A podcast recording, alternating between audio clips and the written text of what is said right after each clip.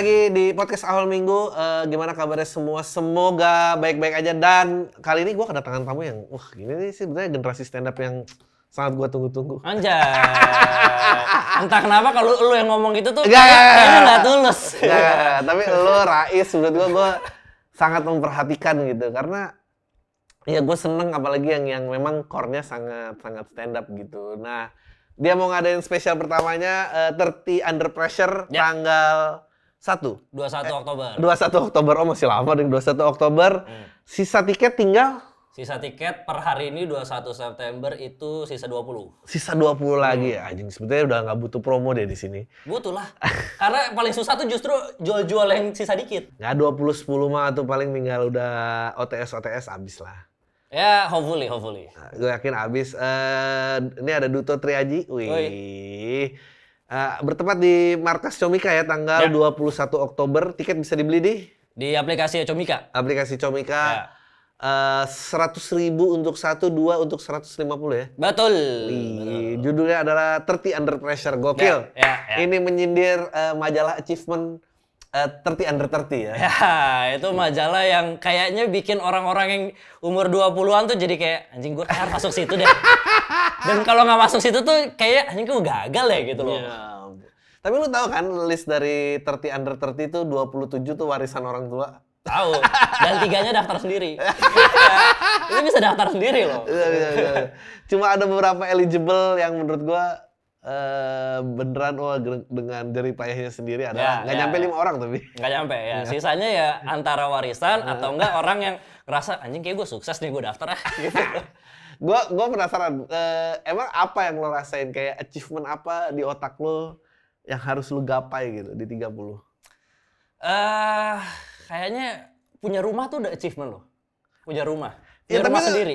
Oke. Hmm, Oke. punya rumah sendiri. Karena gue sekarang nggak punya rumah. Ya. Ya, maksudnya gue masih tinggal sama orang tua gue. Ya. dan itu yang selalu digaung-gaungkan kan. Waduh, Lu kalau misalkan umur 30 belum punya rumah, ganti circle kalian. Waduh, waduh. Umur 30 belum punya duit 1 miliar, ganti circle kalian. Waduh, waduh, waduh. Nah itu tuh yang kayak, aduh apakah gue harus punya rumah dan punya 1 miliar nih gitu loh. Anjing gue jadi ngomong. Ya, tapi memang baiknya anjing setelah tua nih. setelah tua, eh emang ada baiknya sih. Ada baiknya memaksakan diri untuk kalau emang tujuannya punya aset rumah ya. Ya, Di kenapa 30. gitu? Karena kalau lu KPR 15 tahun aja lu eh, ini baru 45 Kelar ya? kelarnya. Ya. Iya. Eh kalau lu nunda, gue tuh anjing gue juga tua sih, gue 35 kayaknya, 35 35 gue kalau nggak salah.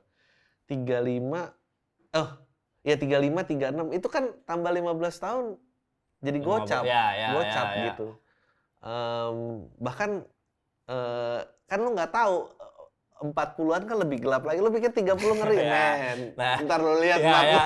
Nah, ini ini tuh sebenarnya ya, yang jadi salah satu ketakutan gue juga. Oke. Ketakutan gue itu adalah ketika gue, ini kan gue bikin sebenarnya ketakutan gue umur 30 kan. Iya. Ketakutan berikutnya adalah ketika gue ngobrol sama orang yang lebih tua, Ya. ternyata masih bingung juga. ternyata krisis ini tuh berlanjut sampai tua. Iya, gue iya. pikir setelah umur 30, oh hidup gue bakal kayak aman-aman aja. Anjir, lu lu masuknya Gen Z, masuknya milenial ya? Milenial gue. Lu masuknya milenial akhir. milenial paling akhir. Paling akhir 96. Eh, 94 gue. 94 ya, 96 kan berakhir tuh kalau Ya. saya milenial. 96 97 udah ah, ah, sebetulnya 97 juga dia udah mau usia dewasa ya, Gen Z Gen Z awal dia udah mulai masuk workplace ya. Udah mulai masuk kerja. Ah, tapi emang ngerasa, eh anjing gue juga jadi mikir. Gue tapi hidup nggak pernah mikir. Yang jelas gini, anjing ini kayak jadi nasihat orang tua ke anak muda gitu. gue nggak ngerasa se-anxious gue 20-an, 30. Ah, Iya, karena I think 28 gue mulai tahu diri gue siapa. ya. Gue paham tuh kenapa ada Forever 27 Club itu. Oke. karena ya. karena dia kayak eh gue rasa 27 tuh titik dewasa penuh dan dia kayaknya kalau gue jadi orang dewasa begini, Hmm. Gue kayaknya nggak akan survive nih dengan dengan ke depan dan dia udah kecewa sama hidup dan dia putusin abis di situ. Ya. Nah, Dan dan katanya kan maksudnya otak manusia tuh baru fully berkembang. Betul, di 78. Ya, 27 28. Iya, iya, Jadi makanya biasa- dia udah jadi penuh. Betul. Makanya mungkin di umur 28 ke atas tuh baru mulai kayak nih gua kayak gini nih. Iya, Ya. iya. Itu itu itu benar. Jadi eh 28 gitu gue mulai tahu diri gue. Nah, gue mulai nggak kayak ya udah kalau yang ini begini, kalau gua nggak cocok gue nggak ikutan nggak apa-apa itu Ya, itu ya, ya. eh, Dan dan itu memang harusnya seperti itu. ya. Cuman kan eh, sekarang itu di apalagi adanya sosmed Nah. dan lain-lain, itu tuh gempurannya jadi semakin banyak Ya, kan. ya, bener, itu bener gem- sih, itu bener sih. Yang yang paling bikin lo pernah nonton film namanya Tik Tik Boom nggak? Anjing nggak apa tuh? Oke, jadi itu adalah film dari Netflix. Itu bagus menurut Iya. gua. Jadi eh, Tik Tik Boom itu bercerita tentang penulis eh, Broadway ya, yang paling sukses. ya. Tapi dia suksesnya setelah meninggal. Oh, oke, ya, ya, Oke, ya. jadi dia nulis namanya Ren kalau salah. Van Gogh juga sukses setelah meninggal. Nah itu tuh yang gue takutin tuh, suksesnya Iya. setelah meninggal tuh. Ya masih mending loh ada sukses setelah meninggal. Ada orang yang sampai meninggal ya udah dilupakan aja. Anjing, itu jadi debu-debu galaksi ya. nah, tapi yang yang bikin gue ke-trigger itu setelah nonton Tik Tik Boom itu. Karena dia tuh orang umur 29 yang gue kayak masih mengejar Ya. mimpi gue di saat Ya. teman-teman yang lain udah mulai settle Ya, kayak ya, gitu-gitu. ya. Dan dia ngelihat anjing idola-idola gue tuh suksesnya di umur 17. Iya, di betul. umur 18. Ya. Ini kok gue nggak nyampe-nyampe nih. Ya. Nah, akhirnya udah dia kejar-kejar gitu sampai akhirnya meninggal. Dan setelah meninggal itu besoknya dia eh, premier eh, Broadway-nya Hah? dan ternyata itu jadi Broadway paling sukses di dunia. Wow. Itu tuh yang yang gua kayak anjing. Agak ironis nih orang nih. Nah, itu tuh yang jadi bikin gua kayak anjing kok gua kayak gitu gimana ya gitu loh. Tapi kalau misalnya kalau lu tanya kalian ntar 40 bingung juga karena gua kasih tahu jadi late 30s ke 40 bahkan meninggal aja tuh bukan option lagi. karena kalau Anjing. karena gini kalau lu 30 terus lu meninggal ya mungkin tanggungan belum jauh banyak tapi kalau udah mau 40 meninggal itu yang ditinggalin anjing ntar yang ditinggalin pada gimana ya sengsaranya Oh gitu. ya ya ya. Karena lu jadi ada tanggungan orang Iya. lain anjing. Anjing Iya. jadi makin berat dong hidup. mak- makin berat, makin berat. Gue pikir hidup bakal makin enteng. Malah makin berat, malah Enggak, berarti namanya quarter life crisis, mid life crisis tuh sebenarnya ngulang-ngulang aja. cuma ngulang-ngulang aja, cuma berkepanjangan dipecah aja. Iya benar.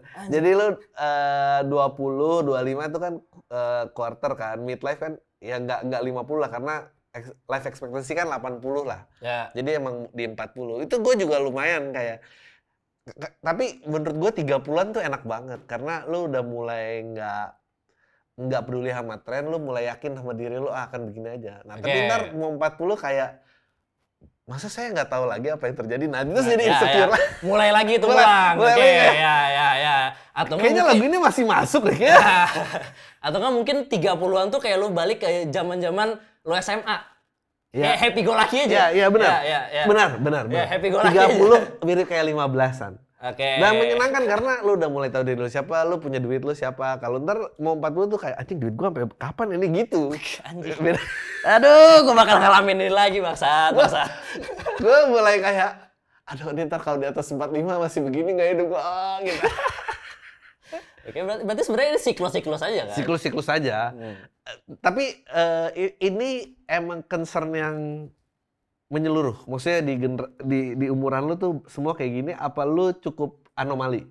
kayaknya menyeluruh deh. Maksudnya Hmm. gua ngobrol ke teman-teman, wah, ya mungkin eh, karena ini gua buat eh, materi stand up dan lain-lain, makanya mungkin gue lebih vokal, Hmm. Oh, iya, iya, ya iya, kan. iya, iya. Tapi mungkin eh, kalau gua ngeliat teman-teman gua, mereka ngerasain itu tapi nggak berani buat ngomong. Ya. Ya, karena Karena kan- mungkin kawinnya cepet. Apa? Karena mungkin kawinnya cepet. Udah Dia mau ketutup, ngomong ya. gimana, Udah ketutup sama kawin aja. Lebih lebih karena lebih berat mungkin eh, masalah kawin ya. ya. Tapi tapi itu gua rasa ya, gua rasa adalah hal yang yang cukup dialamin juga sama orang-orang. Karena kan gue juga sering bikin konten tentang gitu. Tapi walaupun berpusat di kantoran gitu. Ya, ya. Nah, ini gua ngomongin kantor. Lu tuh kuliah lulusan apa? Teknik geologi. Anjing, teknik geologi. Hmm. Ngapain lu stand up? Gak mau bergaul sama orang-orang teknik lainnya. Ini lingkungan yang lain loh. Gue tuh tahu iya, sebenarnya stand up- Nongkrong gak sering-sering banget, gue tahu. Karena nyambung gak nyambung. Kita. Tapi itu benar.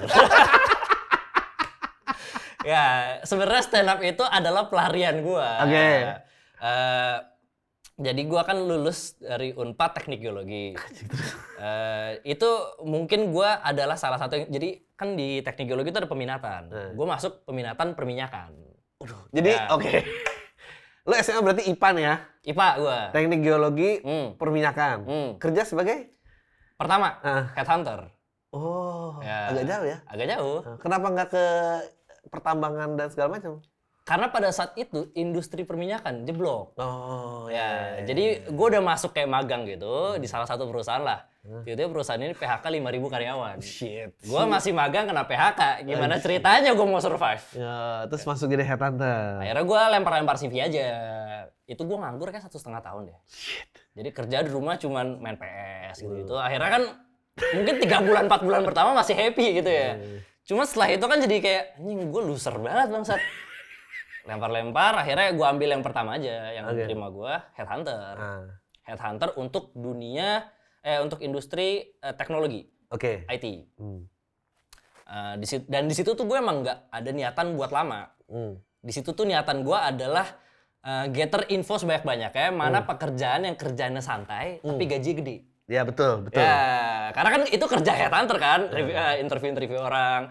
Akhirnya gue nemu lah sebagai product manager Oke. buat eh, perusahaan teknologi. Udah akhirnya gue apply sana dan gue lama berkarir sebagai product manager. Lu- terus eh, inspirasi sosial media lo jadi boring agency itu Oke. dari mana? Inspirasi itu dari ini. Kan gue dulu bikin konten yang garuk-garuk lo tau gak sih? Iya, iya, iya. Ya, gue bikin konten branding garuk-garuk gitu. Nah, eh, itu tuh gue bingung gimana caranya nerusin ini. Hmm. Eh, gimana caranya biar yang nggak garuk-garuk tuh gue doang. ya kan? Jadi gue bikin lah perusahaan, sebenarnya itu perusahaan fiktif. Iya, iya, gue Ya, tahu. perusahaan fiktif. Boring agency. Plus, gue kan bernaung di bawah komisi. Ya, Ya kan? Politik banget tuh. oke. Brand-brand kadang ada yang takut. Oke. Jadi kalau misalkan ada endorse brand masuk, gue lemparnya ke boring agency. Oh. Jadi brandnya kayak, oh ini kayaknya bukan politik nih. Oh, Eh, pinter nih anak ini kayaknya bukan politik nih. Nah, masuk ke situ, duitnya masuk. Gue kira lu tuh backgroundnya orang media, karena lo maksudnya eh, sangat mengcapture insight-insight yang terjadi. Karena gue orang agency kan, maksudnya gue backgroundnya orang agency. Jadi emang itu yang terjadi Hmm. eh, bahwa ada orang yang bawa brief of course nggak ada persona ngocol ya, tapi orang selalu punya problem dengan eh, brand image dan dia entah dia mau amplify atau dia mau mau ubah image-nya gitu. Ya, ya. Dan lo kan being sarcastic about it aja gitu. Ya, Gue kira lo backgroundnya media. nggak ada. Oh. Gua sempet kerja di media sebenarnya Oh. di Cameo Project. Oke. Eh, berapa eh, ketawa ya. Iya. Pernah kerja di Cameo Project juga ya? Ini orang Pasti musuhan sama Martin. tapi tapi enggak, tapi enggak bercanda bercanda. Ya, tapi ya gue sempat kerja di situ. Walaupun sebenarnya yang yang gue capture di Boring Agency itu nggak ada di KW Project. Oke.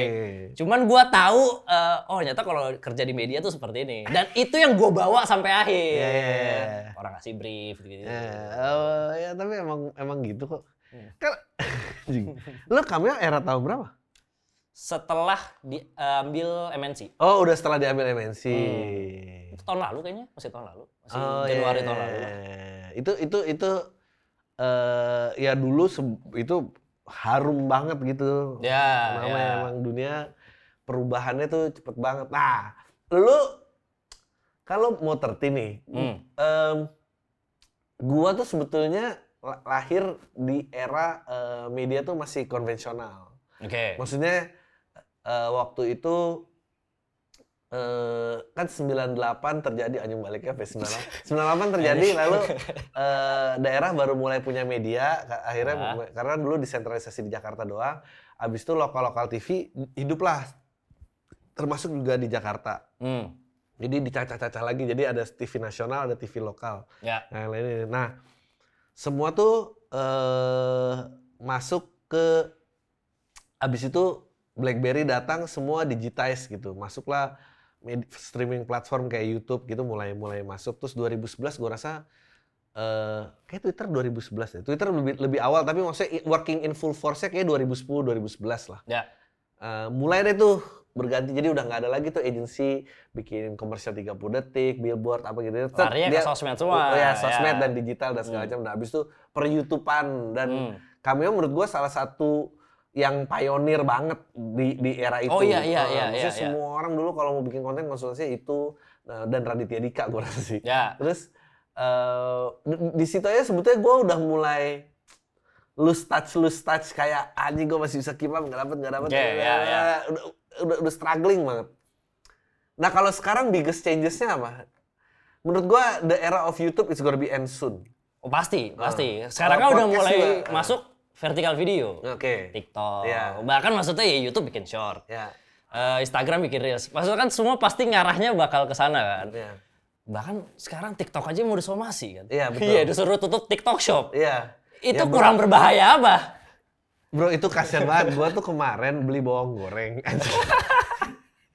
Beneran bawang goreng. Bawang goreng setoples yang biasanya 100 ribu. Harganya variatif lah dari 70 ribu sampai 50 ribu. Ini TikTok Shop 35 ribu. Eh, 35 ribu dapat tiga. Dapat tiga betul. Iya kan? iya kan? Karena yang jual artis. Iya. Iya kan? Pokoknya 100 ribu dapat tiga aja. Bener. Ya, bener. ya, 100 ya. ribu dapat tiga. Ya semua pedagang kelontong teriak-teriak lah. Pasti. Gila sadis men itu. Dan ini tuh jadi kayak ini gak sih? Kayak opang versus ojol. Iya betul, Iya betul, kan? betul. Bakal keulang lagi kayak gitu. Gila itu sih gila. Eh, toolbox, toolbox kunci pas gitu satu set segede gitu. Itu kan biasanya jutaan harganya. Seratus lima puluh iya? ribu. Gua nggak tahu. Nah, lu bukan bapak, belum bapak-bapak. Nggak kalau tuh. kalau bapak-bapak tahu tuh kayak kayaknya toolbox harus punya ini apa matabor apa segala macam. Toolbox kunci pas satu set gitu itu kan 800 ribuan biasanya. Ah. Ini 150 ribu. 150 ribu, gue sampai kayak, anjing gue beli ini nih, ntar besinya cepet aus lagi. Gue kayak, gue kayaknya selang apa anjing bawa apa. Eh, i- itu gila sih, gue nggak kebayang sih ke depannya. Tapi itu juga maksudnya bisa semurah itu karena bukan ada disubsidi ya. Maksudnya masih Satu masih disubsidi, enggak dia dia nge dia nge-cut supply chain, dia dia dia dari manufacturer langsung Oh. dia X sebagai distributor. Oke, ya. Enggak, tapi kan pasti makin lama itu bakal kok nggak cut supply chain? Maksudnya abis supply chain langsung dia gitu. Kan ada Iya kan? second third partinya kan banyak sampai ke customer. Dia cut dia dari sini. Enggak, tapi kan pasti makin lama itu kosnya jadi nggak akan semurah itu lagi dong. Kayak dulu Gojek. Eh tapi tetap akan lebih murah kalau lu kalau kalau lu cut second partinya pasti akan lebih, jauh lebih murah. Nah, Maksudnya eh gua rasa ntar bisnis yang terancam aja. Eh hardware gitu akan terancam. oh ya, Dulu ya, kan ya. eh hardware itu kan eh, nggak ada kan dulu kita toko-toko perkakas gitu kan eh, kecil-kecil tuh. Hmm, Akhirnya keluarlah yang gigantic ngerangkum ngebunuh yang kecil-kecil. hmm. Nah, si, apa si Gigantic ini kalau dia nggak nge-own supply chain, saya ada yang nge-cut di sini, dia akan terancam pasti. Oke, bisnis apa yang bakal hancur ke depannya sekarang berjaya nih? Eh gi- dulu dulu iPhone itu pada saat Amazon work in full force, Hmm. eh display store tuh kelabakan. Ya. iPhone membalikan itu, Apple sorry, Apple membalikan itu dengan experience. Oh ternyata ada experience di store Ya. yang nggak bisa digantiin dengan online. Dia Hmm. ngebalikin eh, ini. Terus Nike juga akhirnya ca- cabut dia nggak mau ngeganggu experience buyingnya. Ya. Dia bikinnya. Eh, nanti ntar yang retail-retail gede ini akan keganggu menurut gua. Hmm. Karena ternyata orang nggak menghargai experience itu lagi, nggak nggak butuh. Karena informasinya gue bisa cari tempat lain, gue nggak butuh lagi gitu. yang akhirnya nanti bisnis-bisnis ini bakal mati semua nih. Ma, ya Atau mungkin sampai mereka ya udah cuma kayak oke lah gue jualan TikTok aja semua gitu. Ya mungkin di SR tuh nanti ntar di depan. Aduh. yang gua nyambut pintunya ya. sambil kayak bentar ya mas saya ini tahu. Eh, bisa, jadi, bisa jadi, Anjing. bisa jadi. Itu kayaknya udah udah masuk ke dunia distopia sih kayak gitu. Eh, tapi kan itu yang terjadi di Cina-Cina dan Ya, di Korea. lo pernah gitu. lihat pabrik live streaming gak sih? Iya pernah, gue lihat itu ngeri banget. Ngeri. Gue pernah nonton kan jadi di di TikTok kan eh, eh di TikTok di Cina kan nggak ada TikTok kan. Iya. Mereka punya TikToknya sendiri, apa sih Iya. Douyin atau Iya. apalah gitu. Buset itu konten-kontennya. Konten ini pabrik live streaming. Jadi orang di jalan, Gokil ya. di jalan dikasih sekat-sekat biasa Iya. gitu. Terus orang live streaming semua. Dan di sana tuh mainnya eh, di TikTok Cina ya, itu mainnya per region. Iya. Emang harus dibatasin region sih. Jadi eh, eh, daerah yang eh, penduduknya itu kebanyakan menengah ke atas, Hmm. itu disamperin sama orang-orang live streamer. Oh. Nah, mereka tuh bu- buka booth gitu di jalan, pada live stream di situ semua. Anjir. Gokil, gokil, gokil. Di pinggir Ya, jalan. it, it would be it would be the end juga uh, KOL industry uh, akan terganggu besar. Kenapa? Malah menurut gue malah bakal makin No, kan- ya sih. be- beda. Jadi eh, kalau ya, ka- kalau di agency tuh eh, dia dia ada campaign ada campaign buat awareness, ada campaign buat tactical yang itu ya generate sales. Sekarang Hmm. si awareness ini nih konsentrasinya udah dikit, jadi udah nggak ada lagi kayak produk demo apa gitu-gitu. Itu Oke. kecil, dia akan konsentrasi Ya, ya. yang bisa generate sales. Convert jadi Nah, mungkin 20% lah. Oke, ya ya ya Mungkin ya. kalau selebriti-selebriti A, Raisa gitu masih pegang. Tapi kalau kayak gua gitu, naruh, maksudnya ngerti gak sih lo? Ya, Kalau ya, KOL ya, ya. miner kayak gua Ya, dulu ya, kan ya. masih kedapetan tuh. Ya ya ya. Yang di depan laptop, gini-gini gini, Ya. sosok buat awareness. Karena awareness kecil bisa dihitung. Sekarang yang kecil pasti akan di-move jadi tactical. Oke, ya ya ya ya. Jadi semua-semua eh, yang selebriti skuter-skuter itu gua rasa akan- nggak ag- agak sulit. Kalau kalau kalau kalau Mbak Imong dan dan dan siapa Nagita Nagita kan eh Ya, ya, bininya Nagita Slavina, eh, ya. Nagita aja call to action ngapain sosok awareness gitu apa, apa yang mau di awarein sama gua Iya sih. Anjir, makin dikit dong penghasilan gue sialan. ya, iya makanya udah nggak ada udahlah percuma Anjir, ngumpul berarti sia-sia gue resign dari kantor. ada, ya makanya orang-orang yang bilang orang bilang kok konsistensi adalah kunci dalam hidup bullshit men. yang bener tuh adalah adaptif. Ya, ya, tapi gue setuju. Ya, adaptif, ya. adaptif. There's nggak nggak mungkin. Ya, gue tuh dulu sangat benci dengan konten kreator. Ya. Sangat benci gue. Kayak, nih lo kalau perhatiin, kan sekarang kerjaan gue bikin konten ya. Ya. Bikin konten garuk-garuk, gitu-gitu. Dulu ya, kalau lo perhatiin di Instagram gue tahun 2019 ke bawah, itu tuh nggak ada foto itu cuma dua. Oke. Itu pun foto pemandangan. Ya. Karena gue sebenci itu ngeliat Ya. konten kreator kayak, Hai guys, hai guys, kayak, Eh. eh ngapain sih lo najis cuy, Ya. cuy, mau terkenal banget lo najis gitu-gitu ya. loh. Sampai akhirnya gue sadar, Uh. itu tuh kebencian gue muncul karena rasa iri. Oh iya. Iya. akhirnya kayak, ah ini ini kenapa sih konten kreator gini gini gini gini gini sampai akhirnya gue coba, oh ternyata works juga. Gue bisa seperti itu dan tadinya gue pengen ludahin, sekarang ludahnya tuh pengen kayak, eh, enak juga nih ludah sialan." memang. Semua tuh nggak punya prinsip kalau belum kena duitnya. Ya, apa maksudnya gila lo. Berapa kemarin si Mbak Imong? 3,6 M Iya. live stream. 3,6. Iya. Iya. Ya, lo lo tahu Kohcun gitu sih? Ada live streamer gitu. Buset 40 M. gila. Sehari si dokter 40 Richard Lee itu 10 M. Gila itu kalau perusahaan langsung PKP itu langsung wajib bayar PPN itu penghasilan di atas 4,6 M setahun loh. Ya, itu sehari dapat M emang tuh nggak ada di eh, otak gue sebelumnya loh. Nggak ada loh. Sehari lo penghasilan sehari berapa? Eh, ini 10 M bangsat. Lo koruptor apa gimana? Nah, tapi gue penasaran sama lo. Lo kan ngomong ada kebencian itu meskipun gue tahu lo abis itu oh ini ternyata eh, bener juga untuk untuk meningkatkan awareness. Tapi in Hmm. in in real life gue pengen nanya pendapat lo. apa? In my generation, Asik. Nah, in my generation mengetahui sesuatu orang eh, sesuatu hal yang nggak diketahui orang lain Hah? itu tuh punya pride tersendiri. Nah, Dan selalu eh, tren tuh berusaha digulirkan dari tempat-tempat yang gitu yang tadinya jarang, ini jadi mainstream. Ah udah begitu mainstream, gua gua males. Sebetulnya Hmm. masih ada nggak sih sifat-sifat itu di di di umuran lo? eh, In real life ya, kita bicara real life. in real life. Ya, kita nggak bicara tahu profit. tempat yang orang lain nggak tahu. Ya, Ah, atau eh, atau punya preferensi sesuatu yang lo tahu, yang lain nggak tahu. masih ada lah. Ada. sekarang masih ada konten hidden gem. Tapi kan hidden gem nggak ada yang benar-benar hidden anjir. Itu semua common knowledge anjing itu. Menurut gua hidden gem yang ada itu kurang main semua orang-orangnya. Ingat. Gua belum pernah lihat hidden gem yang impresi kayak wow nih hidden gem. Masa ini kurang main anjing. Enggak, tapi kan maksudnya itu Di sekarang Melawai hidden gem aja itu Melawai maksud. Enggak, tapi enggak maksud gue gini. Kata-kata hidden gem itu kan pasti muncul karena oh, ini kayaknya orang-orang belum tahu nih, Oke, iya iya. kan? Iya. Itulah kenapa oh ini kayak gue buat konten hidden gem eh, biar gue ngerasa oh ini kayak orang-orang belum tahu gue ngerasa keren nih.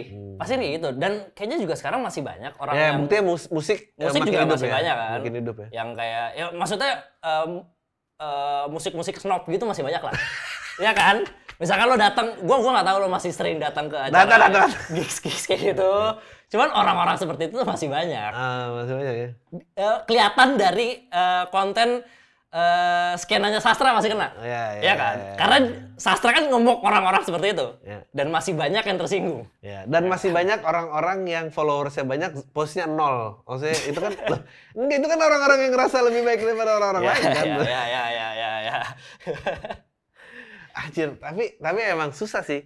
Gue yang sulit adalah emang perubahannya tuh cepet banget, cepet banget Cepet dan banget, cepet banget, banget cepetnya sekarang. dan eh, kayak misalnya threads, oh threads anjing threads tuh nggak nyampe seminggu kali. Nggak nyampe, udah hilang sekarang. Udah hilang Iya, udah. udah nggak ada yang peduli, udah nggak ada yang main. Bahkan orang kalau masih main itu kayak, anjing lu ngapain masih main gituan? Iya benar. kan? benar, benar.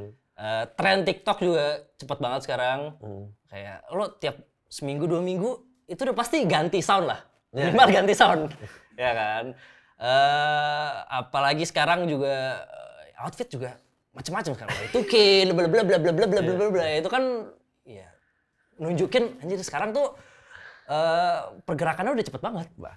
Lo eh, a- apa yang membuat lo merasa tua juga melihat perubahan-perubahan yang terjadi? Yang ngerasa tua ya. Eh, Gak tahu ya gue sekarang eh, salah satu bentuk healing gue ya. Ini nggak tahu, ini gue nggak tahu. Gue tuh suka pijat refleksi. anjing. Ya, gue nggak tahu ini hal yang tua atau enggak. Gua, tapi gue seneng. Gue tuh dua minggu sekali bisa pijat refleksi. Bukan pijat yang macam-macam Iya, tapi ya. iya, Bener-bener real pijat refleksi. Gue ke tempat pijat. eh buat Kalau lo, lo nyebut pijat dan harus dijelaskannya itu udah ketahuan permainan lo pasti udah banyak sama yang mesum. Jadi anjing. kalau kalau permainan masih polos-polos, oh, pijat oh, semua tahu pijat normal. Tapi kalau pijat harus nggak ada, tapi ini pijat normal itu udah ketahuan lingkungan lo berarti orang-orang mesum. ya itu iya. ya tapi tapi gue dan ya, mungkin juga karena gue tuh sekarang misalkan eh, bahkan gue lagi di kondisi nggak pegel Hmm. bener-bener kayak nggak pegel gue kayak pi- pengen pijat refleksi deh pengen me time Eh, lo lihat mati boring agency matinya di mana kira-kira? Eh, kalau gue udah kayak sekarang udah mulai jarang gue bikin konten itu udah mulai mati tuh udah mulai mati itu karena kan gitu itu konten awal-awal terbentuk karena gue garuk-garuk ini ya ya. Anjing itu gue konten sebenarnya nggak ada maksud ke situ loh. Ya itu gitu gue gini? garuk-garuk tuh karena gue nervous. kenapa orang nganggep wah ini kenapa orang garuk-garuk terus? Apakah ini memang personalitinya garuk? Kagak itu gue nervous banget. Lucu banget. Dan jadinya orang-orang misalkan gue ketemu orang gitu dan ada yang kayak wah bang bang garuk-garuk dong bang. Anjing apaan sih garuk-garuk? Nah itu tuh yang dan gue udah mulai males kayak gitu. Gue tuh yang ngerasa tua tuh adalah eh, 2000-an udah mulai jadi tema, ngerti lo? Ah 2000 mulai jadi tema. Jadi kan 90-an nih, oh 90-an. Dulu kan 90-an kan yang yang dianggap old school tuh 90-an. Sekarang tuh 2000-an udah jadi tema. Jadi Hmm. Oh. jadi tema outfit gue kayak Ya, ya, bukannya ya. itu emang trennya sih gitu. Ya, Gua- ya, ya, ya, ya, ya, Bahkan ya, yang ya. dulu tren dia udah balik lagi. Ya, ya, ya, itu ya, itu ya. gue buat gue itu itu itu membuat agak tua sih ya, Iya, ya. karena 2000 2000-an pun gue juga masih jadi gue masih SD gitu Iya kan, Ya, bener ya, kan? ya. Aduh, sedih banget. Eh, tap- eh, ini kan lu ngomongin tadi nervous ya. Em, waktu lu pertama kali ngeliat stand up dan lu pengen coba, yang berusaha lu achieve tuh apa sebetulnya? Berus- gue tuh awalnya tuh karena eh gue nggak tahu mau ngapain Oke. Ya, Karena jadi- nganggur tadi satu setengah tahun itu. Nggak bahkan gue stand up tuh sebelum gue lulus kuliah Oh oke. gue masih kuliah tapi yang triggernya tuh karena gue ditolak cewek Anjir, ya gue ditolak cewek Hmm. jadi eh, background story gue tuh orangnya dulu awkward Ya. bahkan sampai sekarang ya Iya. gue orangnya awkward gue gak berani ngobrol sama orang lain Ya. gue misal nih kita sekarang ngobrol Iya. kalau lu ngeliat gue dulu gue ngobrol sama lo keringet dingin Ya. ya bener kayak aduh gue gak berani nah jadi gue nggak pernah deketin cewek. Iya. SMA gue nggak pernah kayak pacaran. Iya. gue nggak relate tuh sama film ADC gitu kayak Iya, iya. masa muda pacaran? Apa? Tai lah gitu. Nggak relate. Nah jadinya ketika gue kuliah deketin cewek ini kayak gue suka banget sama cewek nih. Hmm. dan gue keluarin kayak semua jurus-jurus yang gue baca dari gimana cara mendekati cewek paling romantis gitu gitu loh lagi Valentine gue kasih bunga terus gue tembak. Kamu mau nggak gini? Di otak gue romantis itu loh itu tolak Anjir lucu banget. Nah, down tuh akhirnya kayak anjing gue ngapain gue ngapain nih nah akhirnya ketemulah stand up Eh, dari YouTube Ya. Hmm, gue tuh pertama nonton Rian Adriandi. Ya. Wah nih bagus banget nih, gini gini gini. Eh, terus pengen coba. Hmm. Niatnya awal tuh buat ya udah gue pengen latih public speaking aja lah. Hmm. Untungnya pertama kali tuh pecah. Ya. Menurut gua. Ya, ya. Istilahnya dapat ketawa-ketawa dikit lah untuk naikin PD gitu. Pas coba 2, 3, 4, 5, 7, 8, sampai 10, boom. Ya, cuma kan masih ada rasa penasaran Betul, itu kan. betul. Gua Kayak gue kayak gitu. pertama tuh masih kena loh. Betul, betul. Akhirnya coba-coba terus dan akhirnya eh ya udah jadi kayak habit udah keterusan sampai sekarang. Dan lo menjadi orang yang berbeda dari kemarin. Sangat, Oh. sangat, sangat. Ya kalau lu lihat gue dulu ya gue nggak berani. Gue tuh dulu pernah kencing di celana di mall.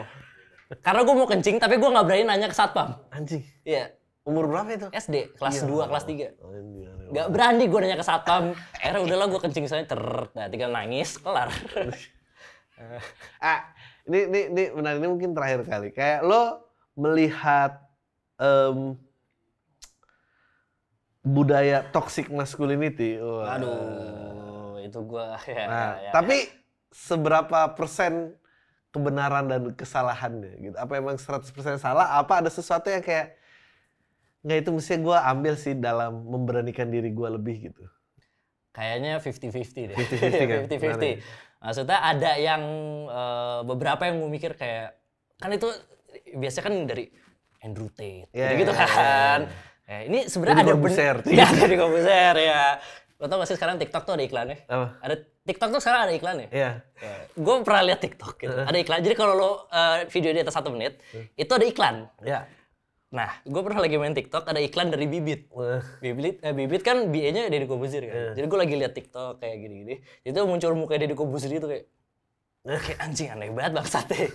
Nah, si Deddy eh si bukan si Deddy sih, intinya adalah yang toxic masculinity itu Hmm. gua ngerasanya tuh ada kayak ini sebenarnya ada yang bisa gua ambil tuh lebih ke arah emang harus berani aja. Iya. Ya, maksudnya ada kayak ini cowok tuh harus berani ngambil keputusan, cowok tuh harus berani ngambil eh resiko Ya, ya, ya. itu itunya. Cuma kan terkadang ada kayak eh, nilai-nilai yang kayak cowok itu di, di atas wanita. Ya, wanita itu adalah budak. Gitu-gitu tuh yang Yang ya, yang udah udah sabar over, dulu, sabar over. dulu deh. Iya. Karena ini tuh nggak bisa dibawa ke tongkrongan, Iya, ya kan? Kayak gue nggak mungkin ke tongkrongan bilang wanita budak, nggak mungkin kayak gitu kan? Ya saya gue dimusuhin. Iya, dan iya, dan itu tuh yang bikin gue juga jadi kayak ya jangan ngambil semuanya lah. Gitu. Tapi tapi apa yang menurut lo membuat orang-orang tuh kayak eh, toxic masculinity tuh bener-bener oh 100% tuh salah gitu. Toxic masculinity 100% salah. Iya maksudnya ilmu-ilmu maskulinitas loh. Ilmu-ilmu maskulinitas sekarang kenapa jadi kayak 100% salah gitu? Kenapa semua orang kalau lo kan akhirnya bisa memilah kayaknya ada Ya. 50-50 deh. Kayak ada. Itu mah kayak cowok klemer-klemer deh. Oh, Iya jadi di- jadi dalam generasi sendiri lo mengakui. iya, cowok klemer-klemer itu. Tapi apa sih yang menyebabkan itu? Gue penasaran sama lo. Karena gini, gue tadi amazed banget sama lo bahwa Hmm. nggak tahu ngomong ke cewek, Hmm. lo nge-google gimana caranya membuka pembicaraan. Ya, Itu bukan opsi yang tersedia di gua. Hah, masa iya? Coba tanya kameramen gua, tersedia nggak? Enggak kan? Iya. kan? Enggak, karena zaman lo belum ada internet. Betul. Zaman gua. Jadi ya.